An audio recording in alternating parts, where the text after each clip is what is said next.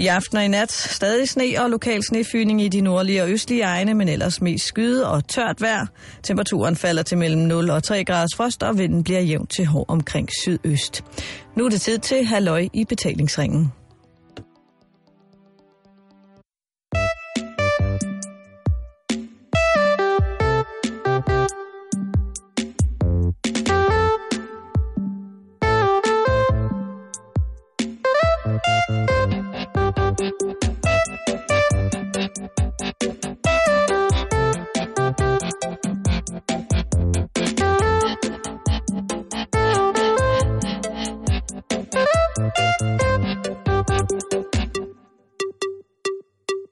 Velkommen til Halløj i betalingsringen. Mit navn det er Jan Elhøj, og noget, som jeg rigtig godt kan lide øh, at høre fra folk, det er, når folk fortæller anekdoter. Nå, Simon, jeg ved ikke, om jeg skal lægge ud med en anekdote. Nu er vi alene hjemme. Ja, nu er vi alene hjemme. Jamen, øh, øh, jo, det, det synes jeg, du skal. Jeg synes, du skal lægge ud med, med en dejlig anekdote. Og An- den anekdote, jeg godt kunne tænke mig at fortælle i dag, eller de anekdoter, de er Mm. fra min øh, første tur, hvor jeg var ude at rejse øh, alene, uden min mor. Jeg var lige fyldt 18 år, og øh, havde en stor drøm om at komme til New York. Uff. Jeg var jo øh, meget øh, fascineret af hiphop-kulturen dengang, og Ja. øh, hvis der er sted, det sker med hiphop, øh, så var det helt bestemt New York, eftersom at de... Ja, det, kan jo, det diskuteres jo stadigvæk, men de fleste vil nok mene, at det var der, den kultur, den øh, ligesom udsprang. Øh, hvad, hvad årstal taler vi? Jamen, vi snakker 1990. 1990. 1990, Simon. Shit, Jan. Ja, det er mange oh. år siden efterhånden. Hvor Hvad- gammel var du? Jeg står lige på at regne det ud. Jamen, jeg har jo været... Du er 78, eller hvad? Nej, jeg er 77, 77. ikke? så jeg har jo været... Øh, 12 eller sådan noget. Ja. Men øh, jeg kunne godt tænke mig at fortælle lidt anekdoter fra min, øh, mit første møde med en rigtig stor by. Storby New York.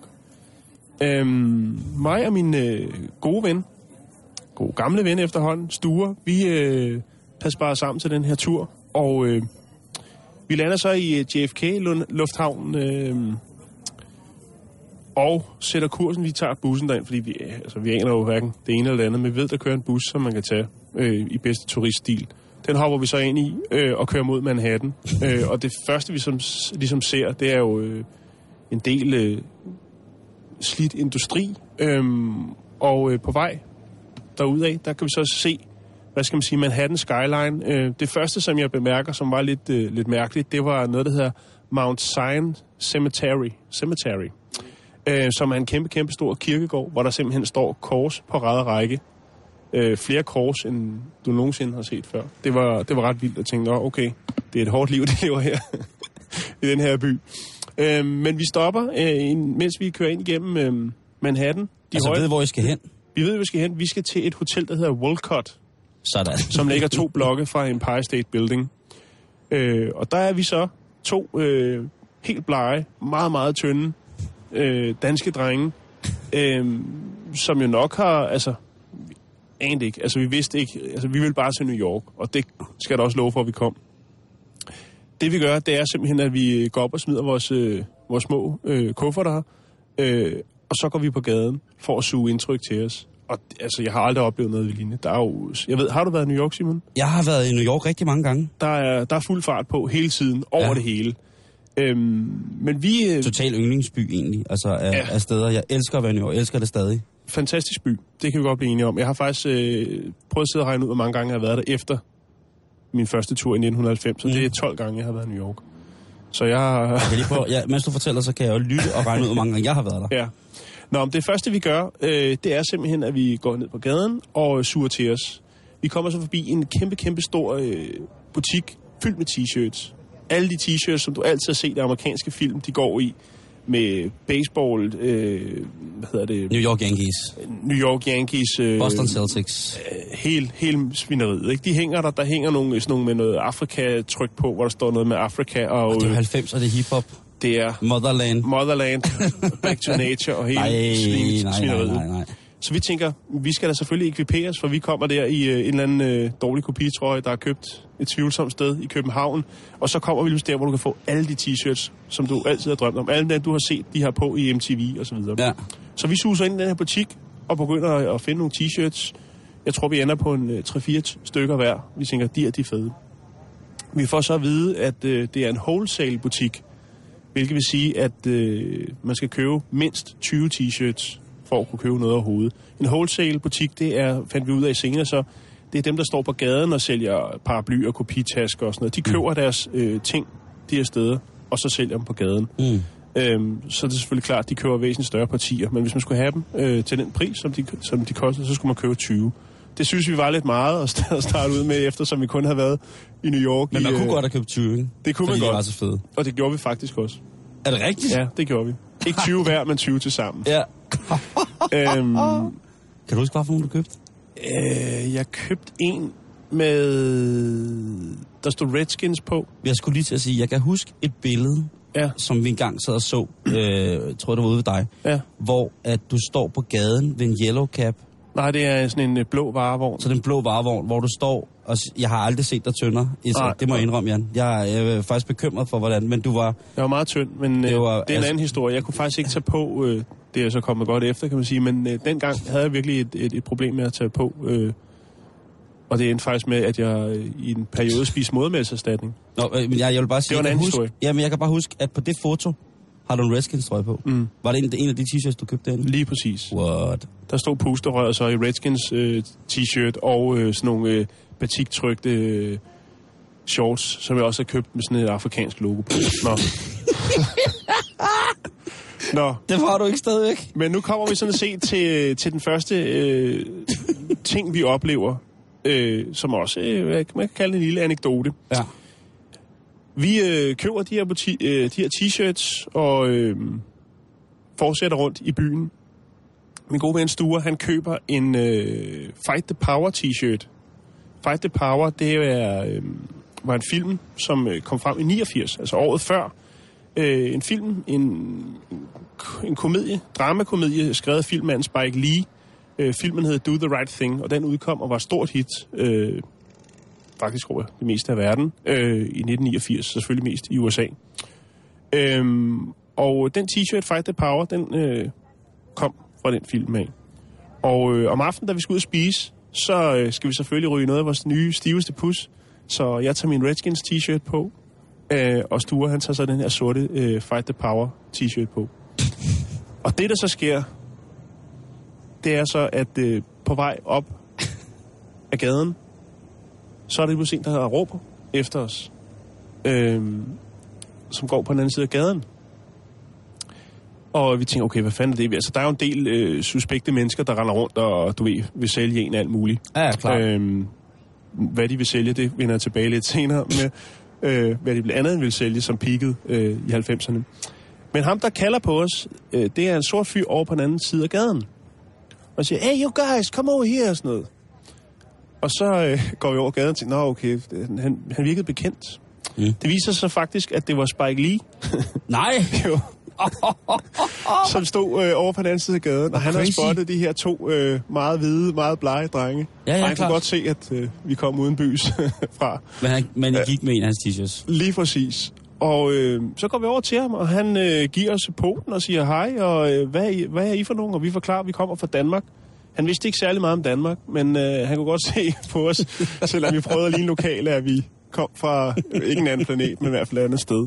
I Så vi gerne får- være fra The Bronx. Vi får en lille snak, og han synes, at øh, vi virker til at være nogle øh, temmelig friske, flinke, sympatiske unge mænd. Øh, synes, det er sjovt, at vi har, har den der t-shirt på. Det er da klart. Øhm, når jeg tænker tilbage på det dengang, hvis man tager hiphop, hiphop-kulturen, men også den generelt i USA, så tror jeg faktisk stadigvæk, at de led lidt under det der med, altså ikke sådan helt sådan konkret raceopdeling, men der var stadigvæk, øh, altså, der var nogle fordomme, øh, sorte over for hvide og, så, Mm. mm. og, og omvendt.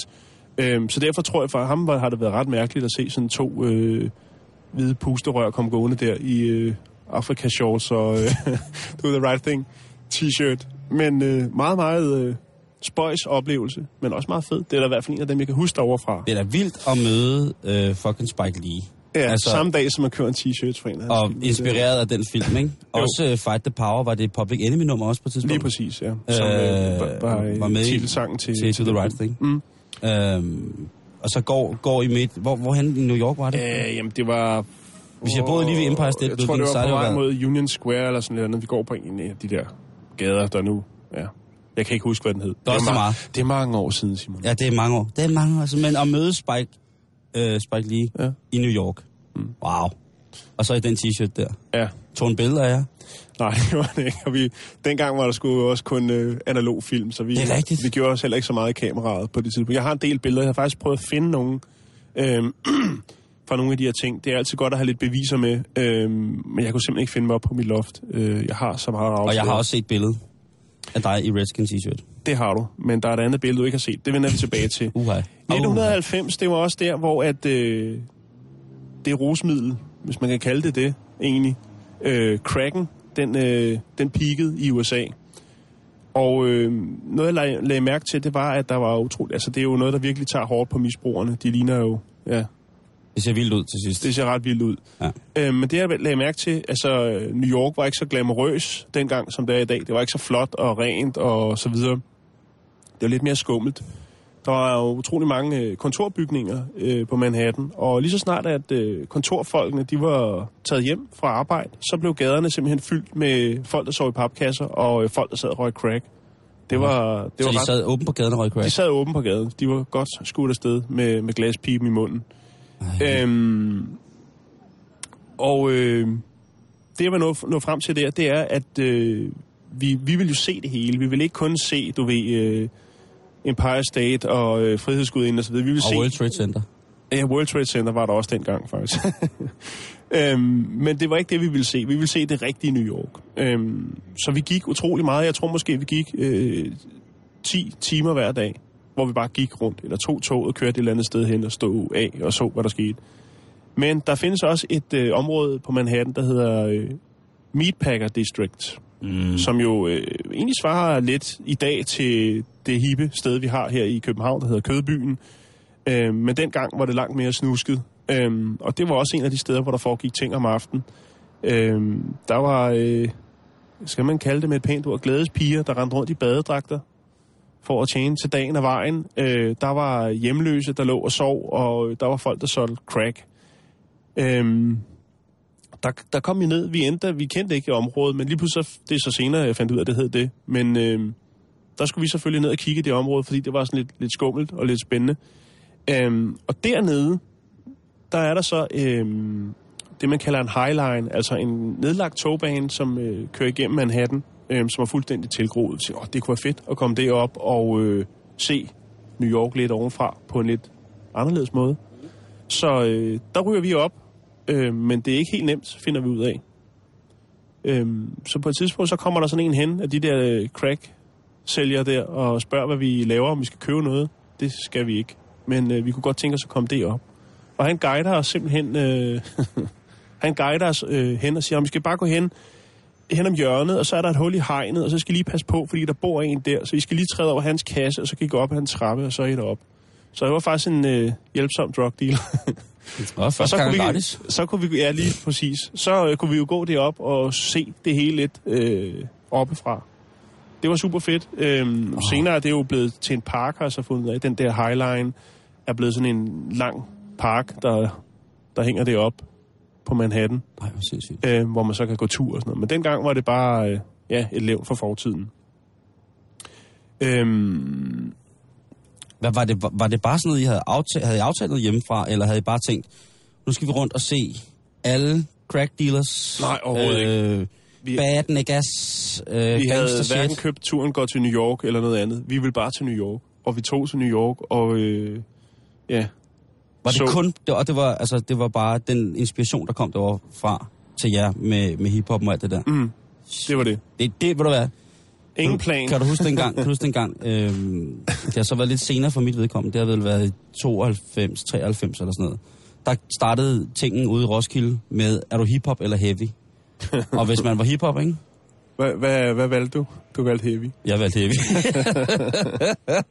og fandt faktisk først ud af gymnasiet, hvor, hvor vildt det var. Nej, det var, og det var faktisk også på grund af en, en film med, med hiphop og musik, som gjorde, at jeg fandt ud af, jamen selvfølgelig kan de to ting forenes. Mm. Og det var den film, der hedder Judgment Night, hvor at øh, blandt andet øh, Public Enemy, som vi snakkede om sidst, og øh, bandet Slayer fandt sammen, Okay. og Biohazard og alt muligt mærkeligt. De, det var alle mulige Def Jam, øh, øh, hvad hedder det, kunstnere, som fandt sammen. Mm. Øh, Def Jam Rick Rubin på det tidspunkt, øh, pladselskab, øh, manden som... Øh, Produceren, ja. Produceren, som, som i dag både står bag ved Adele og alt muligt andet. Men lige pludselig fandt jeg ud af, jamen, hvor var det vildt, at det kunne man sagtens hænge sammen jo. Man Mm. kunne godt rap hen over heavy. Jamen, der skete jo helt bestemt noget der, og det, jeg tror helt klart, at det er ligesom, at, hvad skal man sige, hiphoppen var en del af ligesom at få det sammen. Altså i dag er der jo ikke nogen, der glor på dig, fordi du laver, producerer eller rapper som hvid. Det var der helt overhovedet bestemt dengang. Altså det kan jeg også øh, huske, da jeg boede i Los Angeles i 98 og lavede musik derovre, og der øh, lavede jeg jo sort musik. Jeg lavede R&B, øhm, og jeg kan huske, at jeg var oppe på La Face, øhm, et pladselskab, som øh, en producer Babyface havde. Og der var jeg oppe og spille nogle demoer for nogle af dem, der arbejdede deroppe. Og de stod øh, lidt skeptiske. Så begyndte de at nikke med hovedet, så tænkte man, Nå, den er god nok, de kan godt se, at man kan noget. Ja. Og så siger den ene af de der øh, A&R-kvinder, hun siger så, Where did you say you're from? Altså hun kunne slet ikke øh, få det til at hænge sammen. At, øh, øh, så der, er, der var lidt fordom, men jeg synes da helt klart, at det har udviklet sig til det bedre. Altså den bedste, bedste sådan, komma i de der fordomssnakke, eller den fordomssnak, som der er her lige pt. nu, det Mm. er jo, at I kommer gående downtown New York, og så råber Spike lige efter jer, fordi at der går en høj, tynd, hvid dreng i en, fight the, i en fight the power t-shirt, ikke? Lige præcis. Svedigt. Nå, men øh, jeg, jeg har lige lidt mere i ærmet selvfølgelig. fra øh, New York-turen. Øhm, vi var ret fascineret af den der højbane. Jeg synes, den var ret spændende. Der var selvfølgelig lidt, øh, lidt forskellige øh, skumle typer deroppe. Øh, vi valgte at tage det op øh, dagen efter om morgenen, for ligesom at se det hele i øh, dagslys. Og der kunne man rigtig se, hvordan folk havde lavet små lejre deroppe, hvor de boede flere hjemløse sammen. Tog nogle billeder af, af nogle af deres øh, hjem, kan man vel godt kalde det. Ja.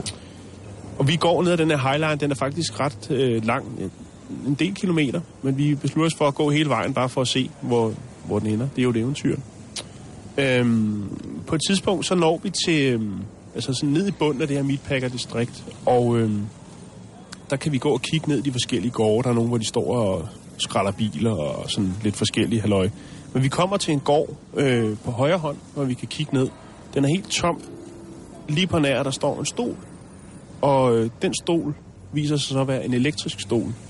Øh, en træstol med sådan nogle porcelæns... Øh, jeg ved ikke, hvad de hedder, dem som også sidder oppe i masterne. Mm. De sidder op øh, spændt fast øh, på toppen af stolen, og så er der noget til at øh, fast sådan nogle læderremme til arme og ben, øh, og nogle andre ledninger. Og da vi ser det, der går vi i panik, fordi vi tænker, okay, nu er vi sgu ved at være nede i et kvarter, der er, der er rimelig vildt. Øh, og der går en ledning langs, øh, langs væggen, øh, hen ad muren og op under togbanen og ind i en lejlighed over på den anden side. Nej, nej, nej, nej. Øh, vi går i panik, øh, og så løber vi.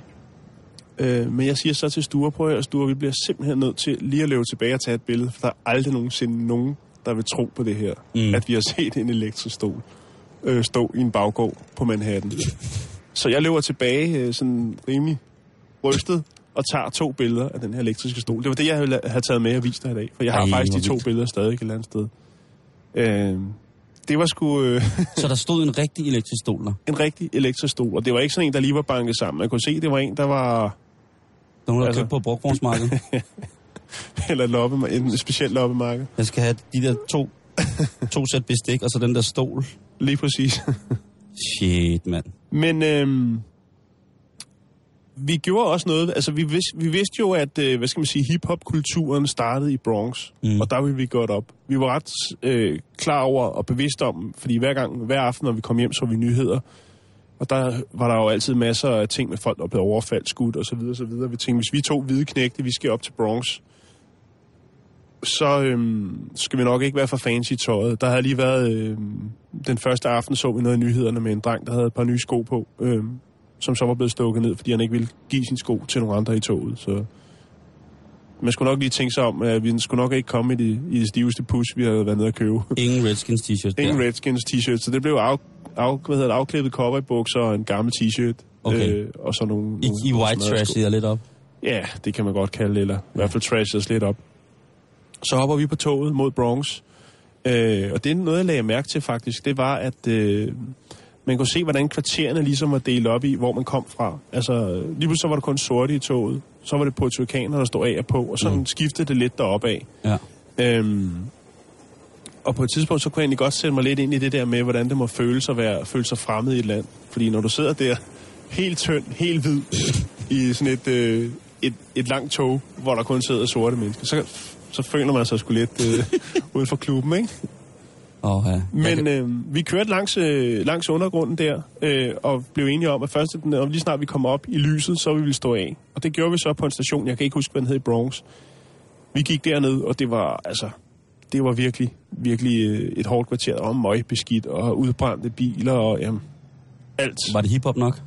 Det, jeg ved sgu ikke, om det var hiphop, men det var i hvert fald et øh, halvtrist kvarter. Vi bevæger os øh, lidt rundt der for ligesom at, at suge til os, hvad der er af, af skumle ting. Øhm, og på et tidspunkt, så er der sådan en lille øh, flod, kan man godt kalde det, ikke Bronx River, men en, en mindre flod, øhm, og vi beslutter os for, at vi skal den vej. Jeg ved ikke lige, hvorfor det er den vej, men da vi kommer ned til den flod, så står der en sort fyr øh, med et kæmpestort, øh, en kæmpestor anaconda-slange, som han har, har karvet skinnet på. Det har jeg ikke noget billede af, men jeg kan huske, at vi så og tænkte, okay, jeg ved ikke, om han skulle have til et par nye støvler, eller hvad fanden det var, men det, det var sådan noget, altså, og sådan var det slag i slag. Vi, lige pludselig var vi forvildet os ind i sådan et, sådan et industriområde, hvor der stod nogen og... Øh, stod nogle piger og ventede på, at der skulle komme nogen. Og vi hoppede ned fra en bro, og så lå der faktisk nogen der, var i gang. Øh, og han blev sgu lidt rystet, ham der lå derinde og, og støtte til den, fordi der kom sådan to hvide knægte hoppende ned i sådan bagheldsangreb. Øh, faktisk oplevede øh, på et andet tidspunkt, der var i Chicago, hvor jeg også var inde i sådan en sort slumkvarter, at øh, de troede, vi var politibetjente, fordi vi var hvide. Øh, så sådan er der lidt, lidt, lidt, øh, lidt fordomme, men det er der vel overalt i verden. Ja. Men, men øh, altså, da vi kørte tilbage fra Bronx, efter vi har været deroppe og se Bronx, Mm. jeg, altså, der var jo ikke noget specielt deroppe, men det var en fed oplevelse alligevel. Det er jo kulturchok første gang, man kommer til. Så, så tænker vi, nu står vi sgu af i Harlem. Der må også være noget i Harlem. Hvad er det med de nære der? Jamen, det var bare, du ved... Ja, undskyld. Den afroamerikanske race. Jamen, vi har også været i Chinatown. Den når vi til lige om lidt. Okay. Øh, men der står vi af i Harlem, og øh, der er også kun sorte. Øh, og der beslutter os for at gå. Vi går faktisk kun en station, et stop. Øh, folk råber efter os og spørger, hvad helvede vi laver her. øh, Shit. så vi går ned og hopper på tog igen. Jeg tænker, det var nok ikke lige det bedste sted at stå. Men øh, Ah, men det er også... så har vi prøvet det. Det er vildt at gå... Øh... Der er jo stadig nogle kvarterer i New York, som stadig er vildt at gå i. Som, som. Øh, som, hvid, som hvid mand eller hvid dame, ikke? Hvor Jo. at, øh, der er det ligesom... Der er det crazy, ikke? Jo, men altså, jeg vil også sige, det der... Altså, nu har jeg boet et par gange i, i, ude i Brooklyn, også langt ude. Og der er det, der er det faktisk sjovt med, med kvartererne. Altså, at så bor man i et pænt nabolag, og så kører du to blokke ned, og så er det bare det værste skidt, altså hvor der står folk og tigger og sådan noget. Og så kan Ja. du køre 20 blokke, og så er det helt lækkert igen. Så det bliver sådan meget, øh, meget opdelt. Øhm, Sådan er det mange steder i, øh, i Guds eget land. Øh, helt bestemt. så altså, hvor man, man, man ser det, der tilsvarer den amerikanske middelklasse, og så, og så nogle gange, når man kommer ud i villakvartererne faktisk, Mm. Så er det som øh, så mange af de steder er det, der hedder gated communities, altså det vil Ja. sige folk, der har hegn rundt omkring hele deres boligblok, fordi at de ikke tør, tør noget andet. Mm. Og der kommer man så ud, og der skal man altså ikke, altså hvis man kommer til sydstaterne for eksempel i USA, så er det altså, øh, afstanden er selvfølgelig øh, Mm. mm. kæmpe store, men hvis du kører, tager en by, en, en stor universitetsby som Austin i Texas for eksempel, som er et stort velfungerende... Der har du øh, været en del, ved jeg. Der har jeg været rigtig, rigtig meget, og hvis man kører cirka 10 minutter uden for Austin, I en cowboy-periode. Lige præcis. Den slutter aldrig. Den bliver vildere og vildere. Så hvis man øh, rider cirka 20 minutter, nej, hvis man går cirka, eller kører i bil cirka til 20 minutter uden for Austin, jamen så er du altså ude i et sted, hvor, at, øh, hvor alle folk er familie med hinanden. Mm. Øhm, jeg kunne godt tænke mig lige at slutte af med altså min lille New Yorks tur her Ja. med en, en lille ting, øhm, som jo egentlig også fortæller, hvor, hvor dedikeret vi var til hele det her projekt med at tage til New York. Mm. Øhm, I øh, midt-80'erne, der var der en øh, rapgruppe, der var faktisk en del, men dem, der gjorde sig mest bemærket med lige akkurat de sko, det var Run DMC. Oh. De gjorde sig til i nogle sko, der hedder Adidas Superstars. Og øh, hjemme i lille Danmark, der kunne du stort set ikke øh, købe noget som helst, der lignede øh, det tøj, som du så i fjernsynet. Du kunne heller ikke købe sko. Du kunne ikke købe Superstars herhjemme. Du kunne købe øh, nogle Nike med en blå stribe på siden, som mindede lidt om Superstars. Du kunne sætte de samme snørebånd i, nemlig de her brede snørebånd. Og det var sådan set det. Du kunne ikke få øh, Superstars. Så vi tænkte, nu er vi i New York, vi er godt nok lidt sent på den. Øh, det er et par år siden, at øh, Run DMC de gik i Superstars. De lavede Øh. en sang til deres sko, der hedder Maja Adidas. Lige præcis. Øh, og det, var, det er stadig i dag en super fed sko, synes jeg. Åh, 100%. Ikke at jeg ejer et par, men det er en, det er en klassiker. Det gør jeg. sige. Øhm, så vi tænkte, vi skal have fat i sådan et par superstars. Og øh, vi tænker, hvor får man fat i det? Nede i Chinatown ligger der utrolig mange skobutikker. Øh, så der tog vi ned. Og øh, uden at overdrive øh, skyde på, vi brugte 6-7 timer, hvor vi gik rundt i alle butikker og spurgte, om de havde superstars. Og der var nej alle steder. Det var, det var ret trist, for vi tænkte, vi er i New York. Hvorfor kan man ikke købe superstars? Ja, det er Run Altså, det, det er. Adidas, det er jo, altså for fanden da. Øhm, vi ender i en butik, som så mange andre, hvor vi så spørger, om de har dem. Og øh, han siger nej, han mener det ikke, men øh, så kommer der en ældre herud fra baglokalet, og siger han, at øh, han mener faktisk, at der står nogen nede i kælderen. Og han er så væk i 10 minutter, vi går der og tænker, ja, okay. Endnu en nitte. Han kommer faktisk op med et, øh, et par superstars. Øh, derovre, øh, der pakker man skoene ind i plastik. Altså sådan nærmest vakuumpakker, fordi Mm. mm. så kan folk stå og kigge på dem og røre ved dem, uden at øh, bliver fedtet. de bliver fedtet. Øhm, så han kommer op med de her par, og de er sådan rimelig støvede, de der plastik. Og vi er selvfølgelig helt øh, op at køre. Øhm, der er jo bare det problem, det er jo ikke sikkert, at størrelsen passer. Det var så et nummer for stort. Jeg mener, det var en, øh, en 45.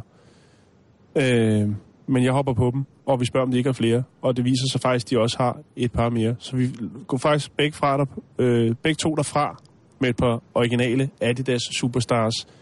Dog lidt for store. Oh. Det, der så var mærkeligt ved det her, og det er så der, jeg synes, det bliver til en anekdote, det er faktisk, at vi blev stoppet på gaden hele vejen tilbage til hotellet af folk. Ikke sådan, altså de står ikke i kø, men det skete måske to-tre gange, bare på den lille øh, tur hjem. Vi havde selvfølgelig taget skoene på med det samme, fordi nu Ja, ja. havde vi skoene på. Det viser sig åbenbart, at vi åbenbart har fået fat i et eller andet der, fordi det var lige før, de ligesom blev kom frem igen. Så vi blev stoppet af amerikanere på gaden og spurgte, hvor har I købt de der sko? Og det synes vi jo, altså, vi kunne jo fandme gå på vandet hjem, hvis det skulle have været, ikke? Ja, Fordi for vi havde på. Men det var, det var super Det har sjovt. også været vildt at komme hjem i 1990 med et par rigtige superstars. Fuldstændig. Der var få, der havde dem, som havde været i New York før, også nogle, der var ældre og sådan noget. Men altså, hold kæft, det var, det var et scoop. Øh, og især fordi man blev stoppet af folk på gaden. Derovre, der sagde, hvor fanden har I købt dem derhenne? Og vores svar var Chinatown. Ja, og så jeg skulle starte fra en ende af, ikke? Jo, jo, og så skal man jo også vide, at jamen, selv i 1990, der var Chinatown jo godt med på at sælge ting, som måske ikke var helt kurante. Fuldstændig. Øh, Og det er det stadig i dag. Det er det bedste sted i verden at købe, øh, ud over selvfølgelig, når man er i Kina selv. Hvis Ja. du skal flotte dig med dårlig, dårlig kopivarer, mm. øh, med, med blandt andet øh, skomærket Puna, Puna. Ja, Punani. øh, eller bare Puna, som har en, en løbende kat, så øh, kan du købe det der. Øh, det er meget, meget, meget fint. De har rigtig mange gode kopivarer. Ja, det må man sige. Fandme en god tur, du har haft til New York der. Ja, der var lidt øh, elektrisk stol og lidt øh, tynd hvid fyr, møder Spike Lee og øh, jagten på de helt rigtige sko. Det er jo det, man skal til New York for.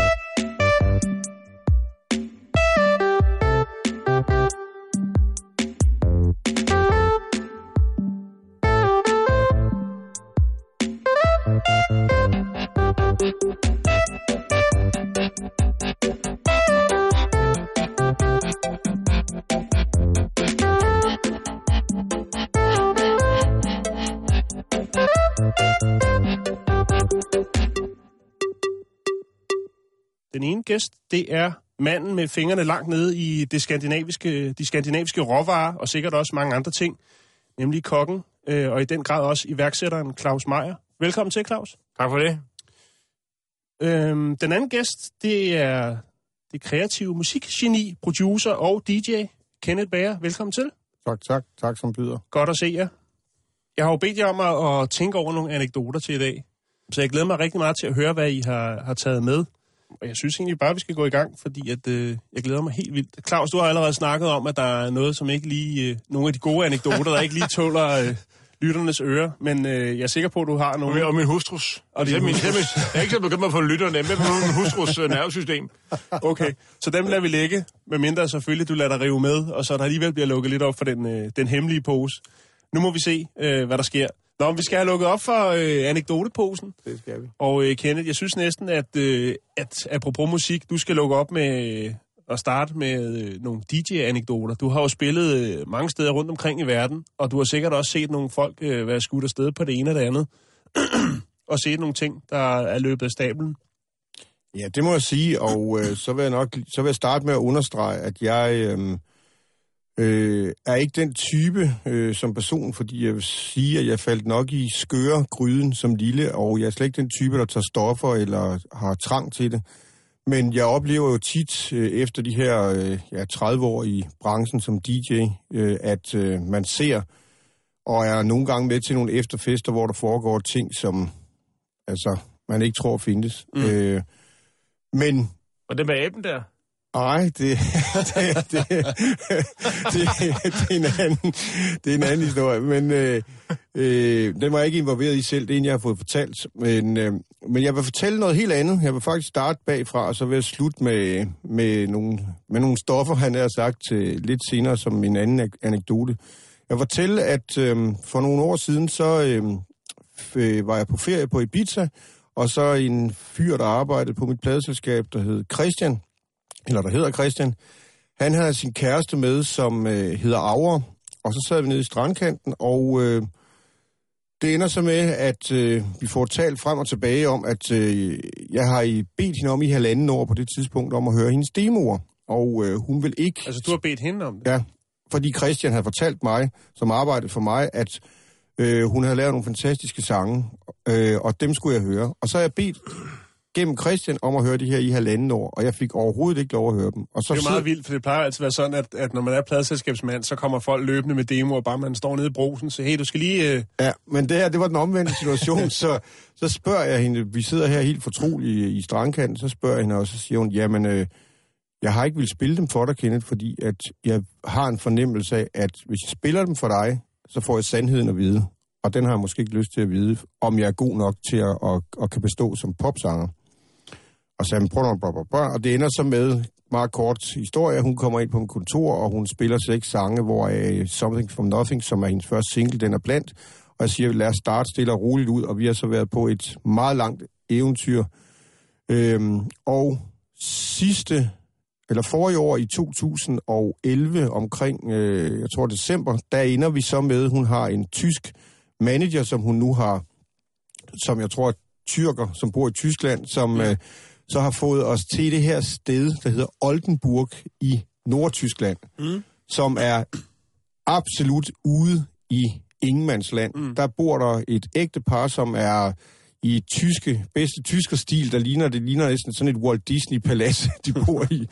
Og øh, der er vi så kommet ud og skal indspille, og han har, jeg tror han har Altså, de har et studie der. er et studie her. Det huset er bygget om, så der er fire eller fem studier. Okay. Og det ender med, at, øhm, at øh, som en af de første ting, der siger, altså, der, altså man tænker der, hvad skal man lave her? Altså, man kan mm. ikke, og jeg skal lige sige, at jeg holder meget, utrolig meget af, af Jackass. Øh, og så ligesom, altså for at gøre noget, så starter vi med, at de har sådan en lækker lille sø, Øh, og så, så, så siger jeg, kan vi ikke øh, allerede på anden dagen, øh, sådan, men skal vi ikke hoppe ned i den her sø? Så det ender med, at Aura, hun sejler ud i en båd i bedste, øh, altså helt nøgen faktisk, i den her båd, sejler ud. Og så kommer jeg løbende øh, ud og springer ud i det der øh, øh, vand, uden at vide, hvad der er i det. Og øh, jeg finder så ud af, at det er, jeg tror, det er en blanding af, altså jeg får i hvert fald mange iler på mig. det er en blanding af, af lort, og jeg ved ikke hvad. Og jeg får nærmest, da jeg så går op af det her bad, der er der nærmest ligesom om, at min krop er blevet påført husplads. Okay. Så beskidt er det. Altså fuldstændig vanvittigt. Og det tog, jeg tror, tre kvarter at vaske det der af. Mm. Og øh, så tror jeg, øh, så står jeg så ude i haven med den her bruse, og så kommer det der, den der ældre dame forbi, og hun har, jeg tror ikke nødvendigvis, hun har set en ung mand øh, nøgen i mange år, så hun blev bare meget, meget rystet, da jeg står derude helt til splitte ravn. Nå, men så kommer, Øh, og så det dagen efter, så finder vi så ud af, at det kunne være rigtig sjovt, at vi, øh, vi øh, lavede en kamp øh, med, øh, hvad hedder det, spray flødeskum. Mm. Så der er vi i nærmest heller ingenting, øh, næsten ingen tøj. Altså jeg tror, jeg underbukser på, og Aura har en eller anden badedragt på. Og så, så laver vi sådan en kamp om, det gælder om at få tømt de her flødeskums øh, ud over hinanden. Piske, piskcream. Ja, piskcream, ja. og, så, øh, og så kommer han så på tredje dagen, der, øh, der øh, sidder vi så til den her middag, og der skal lige sige, at vi får hele tiden, altså det her tyske ægtepar, de er sådan meget sådan stille og rolige, og vi får hele tiden, øh, hvad hedder det, æble, øh, oste, hvad hedder det, ostepej, tror jeg. Er der ikke noget, der hedder det? Mm-hmm. Ja, det får vi hele tiden til hver en ret. Til morgenmad, til middagsmad, til aftensmad, og, og man er helt træt af det der. Så man, man tænker, okay, hvad kan man gøre for ligesom at friske det lidt op? Så siger jeg, at øhm, jeg synes, jeg kan en lille sjov leg, siger jeg så til en guitarist, der hedder Jonas Krav, at jeg kan deep throate en banan. Og det her ægte par sidder jo så samtidig med os og spiser og, og små snakker. Og så, så siger Jonas, det tror jeg altså ikke på, du kan. Så siger han, det har jeg øvet på. så det skal du ikke sige. Så jeg ender med, at jeg deep throater en banan foran de her tyske ægtepar ja. på 21,5 cm, og det, jeg lukker simpelthen munden, hvor den er væk. altså det er uskrællet? Uskrællet, ja. Og så var de ikke så glade for mig, så måtte de forlade selskabet. De, de kunne slet ikke holde til det. Okay, så de så du både stå nede ved søen, i ført iler, og så bagefter et par dage efter stå og lige throw en banan. Fik I, fik I lavet noget musik overhovedet? Det gjorde vi. Vi fik, øh, vi fik lavet, øh, øh, jeg tror faktisk, vi fik lavet 14 eller 15 numre på fem dage. Det var uhyre effektivt, og vi var tre forskellige sådan producer, der arbejdede i de her forskellige studier. Men øh, nogle rigtig gode, anderledes sange, som overhovedet ikke kom med på pladen. så, men det var et forsøg på at, ligesom at komme i gang med pladen, og det var rigtig fint. Altså, det gav i hvert fald et spark til at komme videre på en anden måde. Har du prøvet egentlig, har du, kan du, kan du deep throat en kineradisse? Sådan en, det kan jeg sikkert godt. Men det er jo lidt længere, og også lidt mere, mere sådan kold og bitter end bananen. Ja. Men det er lidt længere, men det går meget sjovt, om du kunne. Hvis du kan nappe bananen, så kunne du måske godt lige gå 10 cm op. Har desværre ikke en frugtkur eller i studiet. det bliver næste gang. Men der er tricks ved det. Jeg kan godt lære dig til på Lilleø, Claus. Men altså, jeg har jo også arbejdet en del sammen med dig, Kenneth, og jeg kan da huske, det kan vi vende tilbage til, øh, mange, øh, ikke deep throat situationer, men øh, mange øh, ting, hvor vi har været ude på nogle øh, sidespor, som der også er kommet nogle anekdoter ud af, når vi har været rundt omkring Det må man verden. sige. Men det synes jeg næsten, vi skulle vende tilbage til. Øh, Claus, øh, hvis jeg siger dagens omsætning, så ved jeg, at du har en anekdote.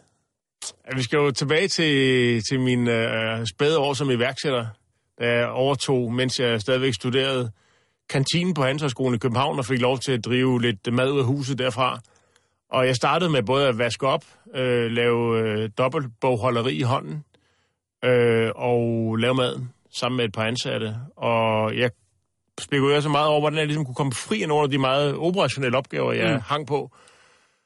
Og øh, fik så tilbudt øh, at ansætte en ung mand fra kommunen. Jeg var fascineret, at man kunne få sådan nogle folk, der havde haft det svært tidligere i livet, og både måske give dem en chance, og så samtidig også øh, spare lidt på lønnen, når man nu har en forretning, der kun lige løb, løb rundt. Mm. Så jeg ansatte Thomas der, øh, 20 år, og var sgu egentlig meget sød. Og så tænker jeg egentlig, hvad, hvilke opgaver keder mig mest, og hvor føler jeg virkelig, at jeg spilder min tid og skaber nul værdi? Og en af de opgaver, det var så det absolut røvsyge, øh, at øh, køre i banken øh, hver dag med, med dagens omsætning. Vi havde sådan nogle brune poser, hvor vi talte pengene op. Mm. Der, altså, de lå i, i pengeskab fra, fra natten før til næste morgen, og så kører man så op i bankboksen med dem. Ja. Og øh, så er det en af de første opgaver, jeg uddelegerede til, til, til Thomas, det var ligesom at køre op i, i Unibank øh, i Smallegade til den der bankboks og putte de der ting i boksen. Den så, der døgnboks, ikke? Den jo, det præcis, ja. Der. Og så var vi ikke, øh, vi var ikke super opdateret på sådan noget bogføring og, om, og sådan nogle bankudskrifter og sådan noget, så der gik vi nok en, tror jeg, en 20-25 dage før, at min, øh, min teamlønsatte, øh, teamlønsatte bogholder sagde til mig, at, øh, at det var sjovt, fordi der var ligesom ikke kommet nogen omsætning i banken i de sidste 25 dage. altså, det må, det må sgu være en fejl, tænker jeg. Så jeg tog, jeg tog selvfølgelig telefonen og, og ringede op til Unibank og, og forklarede dem situationen, og spurgte, om der så, om der var sket en fejltagelse, som bliver måske fået posteret på en forkert konto. Og det, det havde de så ikke. Så sagde de, så, så, så vil jeg gerne have møde med banken. Der må være, der må være brødende kar i banken. Så jeg tog så et møde med, med, med bankledelsen, hvor jeg, hvor jeg var pisse sur, fordi jeg, jeg, nu jeg kraftet med klokle rundt dernede, og ja. jeg havde afleveret ikke mange penge, og så havde de bare smidt lortet væk, eller også var der en, en af deres ansatte, der var 20-agtig. Ja.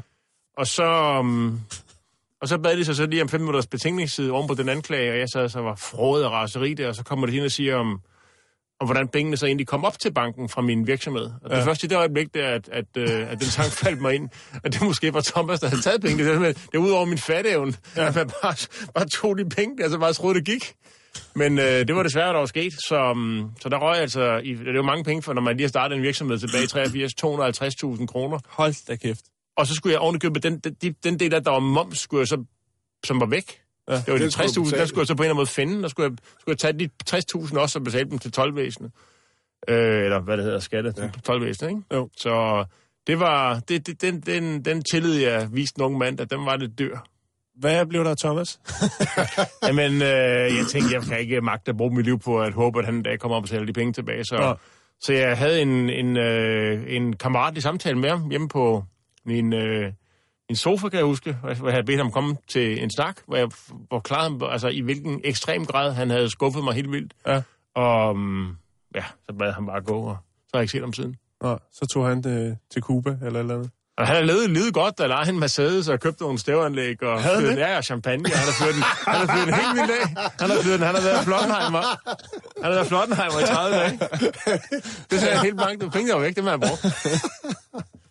Ja, det må, det, altså, det må jeg sige. Så, ja, men altså, var det det eneste funktion, han havde? Var det at, at, at køre, køre i banken? Altså, så har han skulle være... Og så er han også personlig assistent for mig. Han, altså, han, jeg havde Okay. gik rundt og, og, og altså, hjalp mig med mere, du ved, ordne lidt på lageret og gik lidt til hånden ud i opvask. Han lavede, Okay. han lavede forskellige ting, hvad man, nu, hvad man nu kunne lave, men det var sådan den...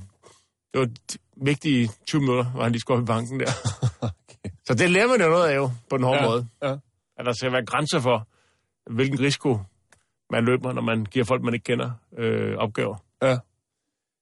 Altså, jeg kom, jeg, nu når du fortæller den historie, så kommer jeg til at tænke på, øh, i mine unge dage, Kan du, kan du efterlyse Thomas? Det var meget sjovt at høre, om du har gået ham. om, om han har prøvet den her, for det var også en stor erfaring for ham jo. Altså, han, han, han nappede 300.000 kroner fra arbejdsgiveren og slap levende fra det. Ja, Om, altså- om han er vokset af, altså, det kan kan være, være, eller han er gået til grunden, eller Han jeg har taget 600.000 næste gang. det, det, altså, umiddelbart vil, vil jeg sige, han virker ikke som typen, der selv øh, kunne have fundet på at starte en virksomhed op for pengene.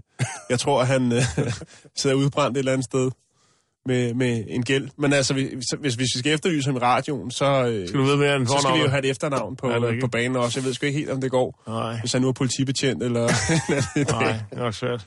Jeg, nu når du fortæller den historie, så kan jeg ikke lade være med at tænke på, at mine unge dage, øh, mit første job var øh, i Piccolo, i et, øh, et B-firma. Gigolo? Piccolo. Ikke Gigolo. er der straks, lige så snart. Øh, vi Det rører var sjovt, det var et blowjob. Der er desværre ingen øh, trummevivl, vi lige kan smide på her. mm. Men der, øh, der arbejdede jeg som Piccolo ude i et EDB-firma. Sådan et meget øh, velrenommeret EDB-firma, en af de første i Danmark. Og øh, på det tidspunkt, som jo nok har været 88 eller sådan noget, der var der jo godt gang i IT-salget, og øh, der var altså nogle, øh, nogle sælgere derude, der tjente en, en, en god mønt på at, at være sælger. Øh, der var en, der hed René, som øh, stod for salg af tonerpatroner og øh, floppy disk, som det hed dengang. 3 kvart tom floppy disk. floppy disk. og, og de røg jo afsted i stridestrømme. Og øh, jeg bemærkede, at, at han, øh, altså, han lavede egentlig ikke særlig meget arbejde, når, når han, han var der. Han sad meget og brugte tid på tipsaviser. Øh, jeg blev sidst sendt over at spille lotto for ret store beløb, og jeg tænkte, okay, han, øh, han fyrer den sgu meget godt af, og sådan noget til julefrokosten havde han en, en, en øh, attaché-mappe med, fyldt med penge. Vi holdt, øh, vi holdt øh, julefrokost ude på Hotel Marina med, med firmaet ude i Vedbæk, og øh, der havde han den der attaché-mappe med, og spurgte, om der var nogen, der ville med på casino. Der lå et casino derude, og det ved jeg ikke, om der stadig om. Det gjorde der dengang. Spurgte, om der ville nogen, der ville med ned, og jeg sagde bare, jeg har sgu ikke nogen penge. Om det er fint nok, bare kom med ned og sådan noget. Jeg tænkte bare, altså, der er en mand med succes der. Øhm, og det var jo fint nok. Jeg, altså, men når man ser tilbage til det, så kunne man selvfølgelig godt se, at der måske øh, altså, var et eller andet galt. Øhm, og det var der også, fordi en dag så dukkede politiet op øh, ude øh, i EDB-firmaet. Øhm, og så har han simpelthen begået underslæb. Det han har gjort, det var, at han bestilte øh, masser af floppy disk hjem, og øh, så sendte han den, altså firmaet fik regningen, men øh, floppy disken sendte han så over i et fiktivt firma, han selv havde, og så solgte han dem derfra. Han havde jo alle kundekontakterne, så firmaet, øh, alle pengene røg ind øh, i hans firma, men det var det et bilfirma, han var ansat i, der betalte regningerne for køb af varer. Øhm, og han blev så øh, nappet, øhm, og havde lavet underslæb for 13 millioner kroner i det EDB-firma der. Øhm, og når man tænker tilbage på det, så kan man jo godt se... Hvor mange penge altså, dengang? det var det. De havde heller ikke Øhm, helt styr på, på bogføringen. Nej, fordi han var jo, altså, det gik jo meget godt, øh, men lige pludselig så blev øh, de der midler jo bare rykket over et andet øh, firma, og øh, jamen, så, for, så forsvandt han, men når man ser tilbage på det, så kan jeg jo egentlig godt se, at der måtte have været noget galt, fordi han kom der, han havde en, en, øh, en, en hvad hedder sådan en, en yngre sælger siddende, som ligesom tog sig det rigtige arbejde, så kørte han sit eget show, sad der og læste tipsaviser, tipset og lottoet og hvad der nu ellers var, for at prøve at, at få et eller andet et grundlag, der så lidt mere fornuftigt ud, hvis han nu vandt. Så, øh, men det, det kunne man jo godt se i bagspejlet, at der har måske var blevet fiflet lidt der. Og øh, jeg ved, at eller, at rygterne sagde i hvert fald, at mens han øh, sad og afzone, der læste han til advokat øh, inde i fængslen. Så han tog sådan lige en videregående uddannelse. jeg ved ikke, hvad han laver i dag. Jeg tror heller ikke, vi skal bringe hans øh, navn øh, på banen. vi skal jo øh, have en, en, en øh, anekdote mere på, øh, Kenneth. Du øh, sprang lidt hen over det med stofferne og, og de vilde fester, hvad du har set der. Du har aldrig selv taget stoffer, men du har set nogen, der har givet den godt gas, både på Ibiza og andre steder. Ja. Øh, jeg tænkte på, om øh, vi måske skulle lukke op for nogle anekdoter omkring øh, det konceptband, kan man godt kalde det, som vi begge to havde fingrene lidt i, nemlig øh, Los Umbrellas. Ja, der var jo ikke nogen stoffer på den måde. Altså, Nej, det var men- der ikke. Det var, det var heller ikke det, jeg mente, men, men øh, der var nogle, vi kastede os ud i nogle, øh, nogle ret vilde ting, synes jeg i hvert fald. Øhm, Jeg vil stadigvæk gerne fortælle den der historie med Ibiza, men den kommer, så, så bliver det fire Hvis- anekdoter. hvis vi kan nå det. det skal vi. vi, vi, vi skifter, ja. synes jeg. Ja. Jeg, jeg har ikke så mange anekdoter. Nå, men jeg kommer Jo, hurtigt... du har lige en, Claus, vi lige Ja, skal, vi høre. skal den. lige høre, Ja. hvad hedder, skal lige men høre jeg den. tager hurtigt den der, så med Los Umbrellas. På et tidspunkt, så, øhm, øh, jeg skal lige sige til lytterne, at rent faktisk så Jan Elhøj var øh, øh, opfinderen af Los Umbrellas ved, at ham og hans marker, Anders, de havde et, øh, et dansk, et, øh, hvad skal man sige, legendarisk i dag komikerpar, som hedder Angry Ass. Og dem hørte jeg, og øh, de spillede på et tidspunkt forældre øh, i et tv-program, som ude på en øh, tv-station, der hed ZTV. Der var de mine forældre. Danish Og- Dance Chart det. ja, der, øh, øh, og så øh, synes jeg, at de var så sjove, så at det kunne være sjovt at måske lave en Monrad og Rislund-agtig dansk plade med deres øh, små, øh, øh, hvad hedder det? Sketches. Sketches, ja. Og øh, de laver så en, øh, der hedder Flæskesteg Krebinetter. Yes. Og øh, da jeg kommer ind og hører den, så siger jeg, hvis vi laver den her på engelsk, og får Allergami eller en eller anden sort En rapper. rapper. til at rap på det her, Den så første tror jeg, rapper, har der var oppe at vinde, det var ham fra KLF. Øh, og øh, den næste var så Remy, og han ja. sagde så, at det kunne han ikke, øh, det kunne han ikke klare. Så ringede vi til sig. Allergami, så kom Allergami forbi, og i løbet af en time, så havde vi den her fantastiske rap, og øh, vi udsendte den, og øh, historien er så, at vi sælger faktisk 1,1 million af, af det her nummer. Og øh, vi er på et tidspunkt til, taget til USA, hvor at vi, øh, jeg har læst, jeg tror, at Carhartt, øh, det her tøjmærke i USA, de har lavet en masse annoncer, hvor at de øh, brugte pornostjerner, og ved at de brugte pornostjerner i deres første markedsføring, så øh, blev de godkendt på streetplan på et helt andet måde end, end normalt. Og øh, fik øh, god omtale. det. Ja, jo, det var sgu meget godt, god markedsføringsidé, så jeg tænkte, det gør vi også. så ja, Når ja, man må på næste restaurant, kan man så bare fylde med pornosøger. nej, så, så fik jeg, jeg tog til England, fandt nogen, som havde lavet en video for nogen, der hedder Bucketheads, og øh, fik, vi fløj til USA, til, øh, til LA, og mm. øh, øh, vi fik lavet et setup, hvor vi, øh, jeg tror, vi optog øh, musikvideoen ude på øh, Gammel motel, ikke? Ja, et motel fra filmen True Romance, og vi fik den her chimpanse med fra et, en eller anden Clint Eastwood-film, og altså alle mulige forskellige Jeremy. props. Uh, Ron Jeremy, som uh, faktisk kan deep throate sig selv, når vi er ved det. så, Den er god at have på CV'et. Ja, den er god af på CV'et. Som faktisk er gammel amerikansk stand-up, og som så øh, fandt ud af, at han kunne gå ind og så øh, hygge sig lidt med nogle unge damer og så videre, og så bliver han pornostjerne. Men vi får fat, vi, øh, det her, øh, de ringer til en hel masse forskellige pornostjerner, og der er ingen, der vil være med i den her musikvideo, fordi de ligesom vil gå public og komme på MTV. Og vi var i total kaos. Vi havde jo taget det over, og de havde, inden jeg tog derover, så havde de sagt, de her producer, jamen prøv at det er ikke noget problem. Pornostjerner, hvis vi giver dem så også mange penge, klart de vil være med. Der var ingen, der vil være med. Og jeg kommer derover, og der er rimelig panik på. Eller under deres standard. Ja, for vi skulle optage jo. Så får vi så, så siger jeg, lad os prøve, hvorfor får vi ikke uh, Ron Jeremy med? Og da vi får ham med, så uh, havde han sagt til ham produceren, I'll make some calls. Og så i løbet af en time, så havde vi så de pornomodeller, vi gerne vil have med. Så Ron Jeremy, det var, øh, det det var var det indgangen. ord. Det var indgang. Det var ja. det ord, der skulle til. Men så, da vi så bliver præsenteret, det sjove er så, da vi bliver præsenteret for, hvad vi skal have på øh, øh, af tøj i, i, i, i musikvideoen, så er det det mest forfærdelige tøj. Og øh, jeg Det var en står hotshot. Øh, ja, et eller andet, de havde betalt vanvittigt mange penge for, øh, der skulle øh, finde det her tøj. En stylist, og øh, jeg, vi snakker sammen om det, og tænker, shit, hvad gør vi? Det er ikke godt, det her. Vi kommer, vi er taget helt herover. Vi står nu. Vi skal have lavet den her musikvideo. Så jeg havde jo på det tidspunkt et øh, firmakort fra øh, IMI, og det ender med, at øh, den her tur, jeg bliver efter turen, undskyld, øh, kaldt ind på øh, øh, en legendarisk chef for IMI, øh, Michael Ritus kontor, siger, øh, og jeg skal lige sige, at på et tidspunkt i USA, der bliver det her kreditkort stoppet. jeg kan lige pludselig ikke bruge det længere. Og øh, jeg bliver så kaldt ind og øh, får at vide, at øh, der er et overtræk på 80.000. Mm. Øhm, Og du har købt kostymer for. jeg har købt kostymer for, og, øh, og så siger, øh, så siger Rito, altså, det må du sgu aldrig gøre mere sådan noget, og vi fik det heldigvis stoppet. Men på den anden side, så var det sgu meget godt, du gjorde det, fordi at vi fik så reddet videoen på det. Men Ja. det var både godt og skidt på en gang. Claus? Jamen, jeg kunne da godt fortælle om øh, mine oplevelser i den lille landsby Tris-sur-Baise nede i Frankrig. Ja. Og så hiver min værtsfamilie, de hiver mig så med til en, en, en, en fejring af svinet den anden lørdag i august måned i den her lille by Tris-sur-Baise. Og vi så kører ud, og, og der, render, der render faktisk mænd rundt, som har lynet ned og har, har påmonteret øh, langtidslagret pølser, i, i, så, som, som stikker ud af deres lynlås for, for, altså, som et humoristisk indspil. Men det, der gjorde så også indtryk på mig. Apropos for, og, hvad det hedder, det var helt, jeg havde ikke Nu er opdaget. vi dernede igen, Claus. Nu er så for at komme op igen, for at komme helt op, så er der en scene, øh, hvor jeg troede, var nogen, der skulle spille noget musik, noget DJ eller sådan noget. Så viser det sig, at med det her landsby, der er man i gang med øh, 8. finalen med VM i Svinehyl.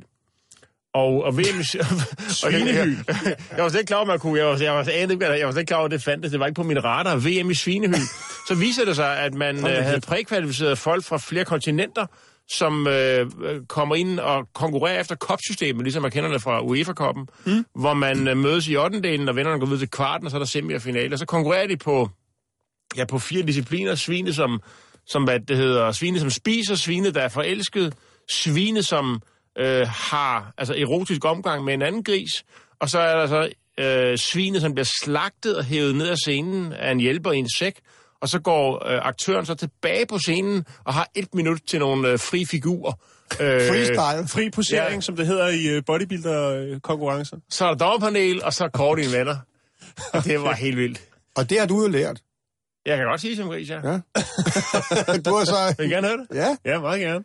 Altså, man er nødt til, man er nødt til at stå, og der er mange, der spænder for meget øhm, i svin. der er mange, der spænder for meget, når de, når de øh, gør det. Man skal være meget, meget løs i alle muskulaturer og led, og skal også i kinderne stikker så en, en finger ind i, i kinden. Øh, meget løse kinder skal man have. Claus står op jeg Ja. Claus står op med en... Øh, Mange kommer til at puste Lange første gang. Det er utrolig vigtigt, at man suger luften indad, og så lyder det noget sådan her.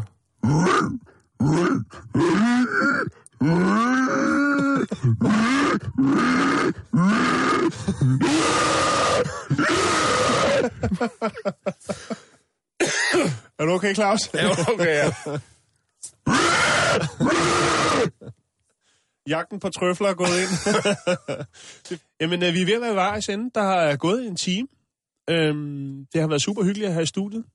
Og høre nogle, øh, nogle røverhistorier, eller nogle anekdoter, om man vil. Øh, jeg synes, vi har været godt rundt.